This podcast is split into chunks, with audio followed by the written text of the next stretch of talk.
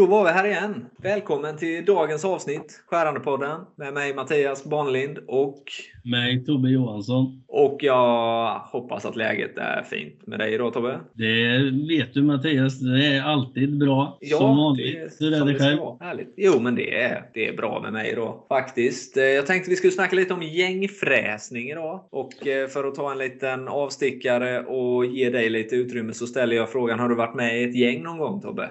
Nej, inte, som du vill. inte direkt i gäng så kan man väl inte säga. Det ju, vi håller ju på med våra små veteranmoppar vet, och där är vi ju ett gäng. Så. Ja, precis. Själv då? Du har, ju, du har ju alltid varit en liten buse på fotbollsplanen. Ja, speciellt har jag hört. Så, ja, eh. fotbollsplan. Det skulle väl vara det gänget i så fall. Ja. Skämt åsido. Men gängfräsning i alla fall. Absolut. Eh, står på agendan. Vad har du för erfarenhet av det då? Jag har inte jättemycket erfarenhet av just gängfräsning ska jag säga.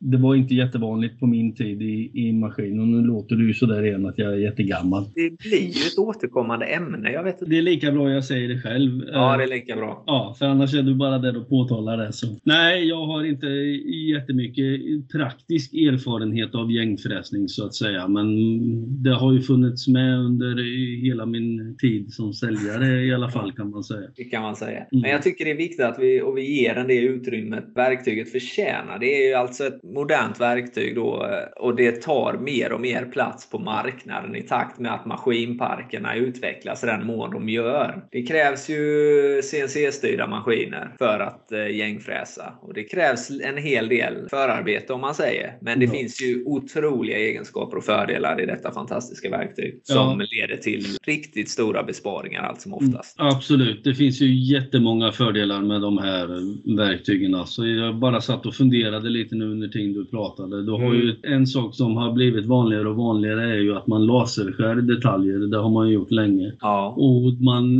laserskär även hålen så att säga i, i stora detaljer. Precis. Och skära en gänga i ett laserskuret hål är alltid besvärligt för det blir så hårt. Och då mm. är det väldigt bra om man kan gå in och gängfräsa dem istället. Det är det. Och där kan man ju göra toleransjusteringar väldigt precis och exakt med. Ja, precis. Du kommer ju åt att justera toleransen och, och sådana delar på gängan både genom programmering och kompenseringen om vi så säger. Precis, och det är ju allt som oftast extremt små spåner. Och det inte, ja. Så det påverkar ju inte gängförloppet och det har ju, ger ju också då i, i förlängningen då också en väldigt hög pålitlighet. Då. Ja, ja. Kvalitetsverktyg med lång, lång verktygslivslängd. Ja, och en annan stor fördel som jag ser är att du kan vara väldigt nära botten på hålet till exempel när du gör gängan utan att du riskerar att köra sönder en gängtapp som tar i botten så att säga. Stämmer mycket bra. Och sen så har vi också friheten och mångsidigheten med det. Både höger och vänstergänger med samma mm. verktyg. Och så, sen så är det ju ett verktyg per stigning eller profil ja. kan man du kan säga. Ju, du kan ju göra alla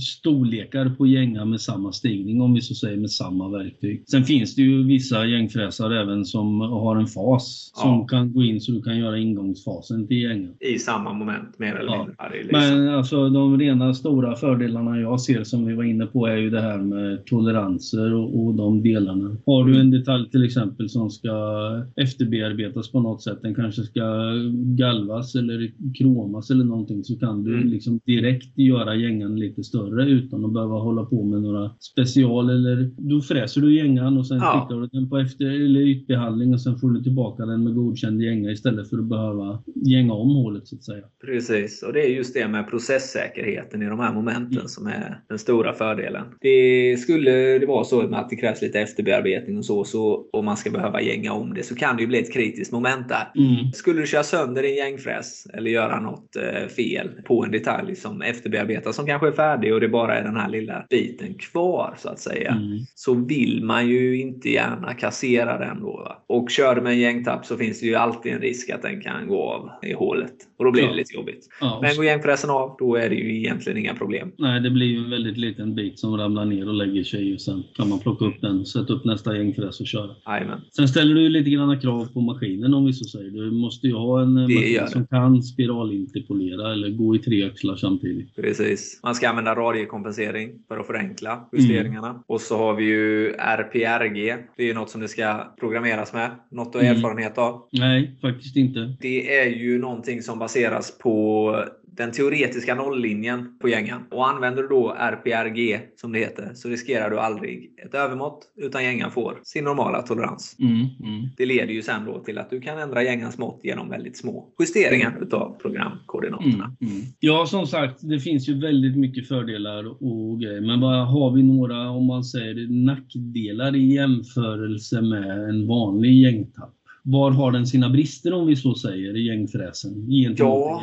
Ja, det är väl egentligen inte så många kan jag tycka. Jag tänkte nästan säga har den några, men någon finns det väl. Det är, en sak är ju gängdjupet. Du har ju ett väldigt bestämt gängdjup. Ja, precis. Det kan ju inte bli för djupt. Men det Nej. når ju hela, hela vägen ner i hålet. Ja. Sen så är det väl, det kräver lite mer förarbete, lite Mm. mer utav sin, sin operatör och sin Mm. maskin framför allt. Mm. Men eh, ja, det, nej, det, är väl egentligen, det är väl egentligen det man hittar, att man når inte lika djupt med en gängfräs som vad man gör med en gängtapp. Du behöver ha en maskin som klarar av programmeringen. Det är Precis. väl egentligen de två bitarna som finns som hindrar. Ja, och så kanske hur lång tid det tar att göra en eh, gänga. Mm. Kan ta lite längre med en gängfräs. Sen är det ju... Eventuellt, eller håller du med mig där? Ja, jag håller med dig, men sen är det ju oftast så här också att gänglingen är ju faktiskt det sista du gör på en detalj oftast. Ja, Speciellt om vi säger att vi kör i en fräsmaskin. jajamän. så är ju det det sista. Och det är ju hemskt tråkigt att, att sätta en gängtapp i en stor dyr detalj. precis. Där kommer ju gängfräsen in med väldigt många fördelar, precis som vi har varit inne på. Precis. Det är nästan det främsta. Processsäkerheten i efterbearbetningen. Otroligt viktigt.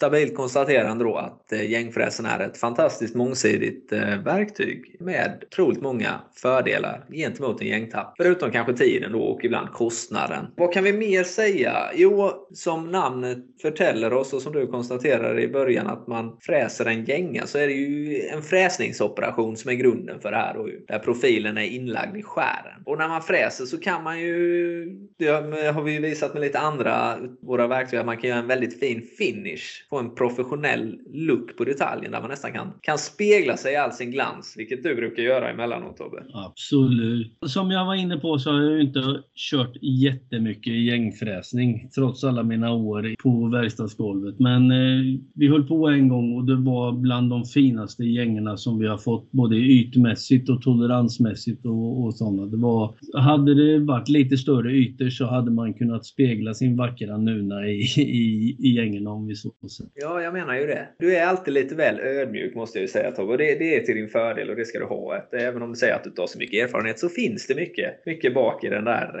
eh, i den där eh, ryggsäcken du bär på med alla dina års, år på fältet om man säger så. Ja. Så ja, alltså en riktigt fin yta menar du på gängorna? Alltså att de liksom nästan glänser gängerna? Menar så du Ja, menar? det, det blir jättefin yta och det är nästan glansfritt och man slipper alltså grader och det, ja, hela proceduren blir bara mycket, mycket bättre om vi så säger. Eller vart den gången. Ja, amen.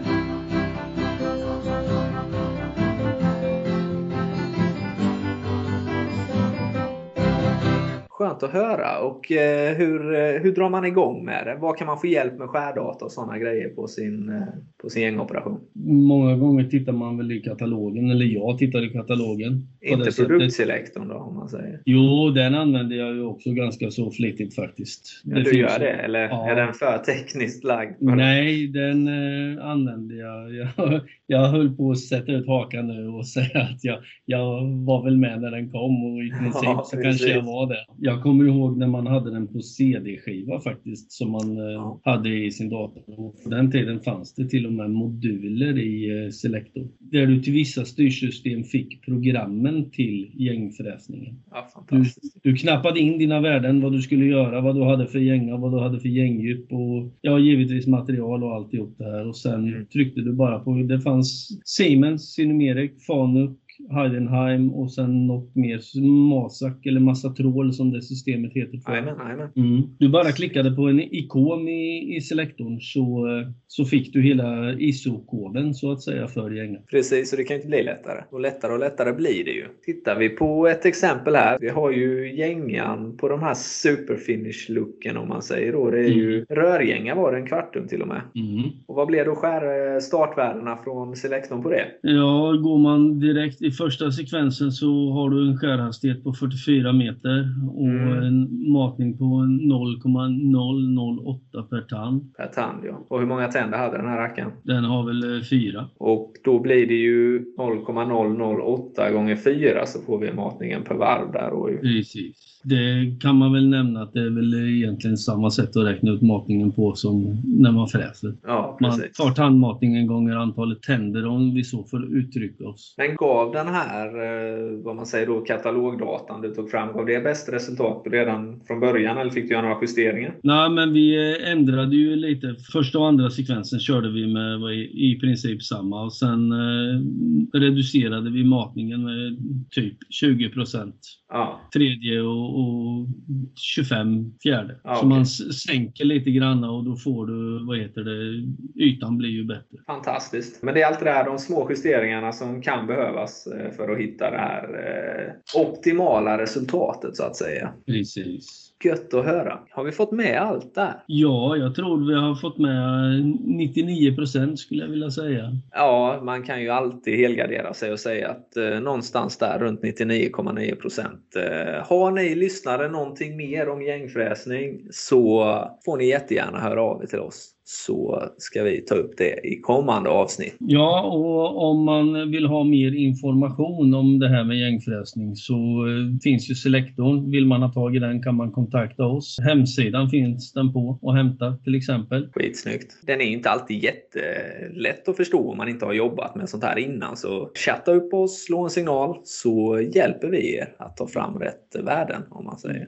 Likaväl så kan man ta kontakt med kundsupporten så hjälper de till. Absolut. Vår fantastiska kundsupport. De, utan dem hade vi, inte, hade vi inte levt en dag kan jag säga. Absolut, så är det faktiskt. Vi lovar och de håller. Är det inte så lite? Exakt så är det. och med det sagt så tackar vi oerhört mycket till er som har lyssnat idag och så hoppas vi att vi hörs igen nästa vecka. Ha det så bra. Ha det gott. Hej hej. Hej då.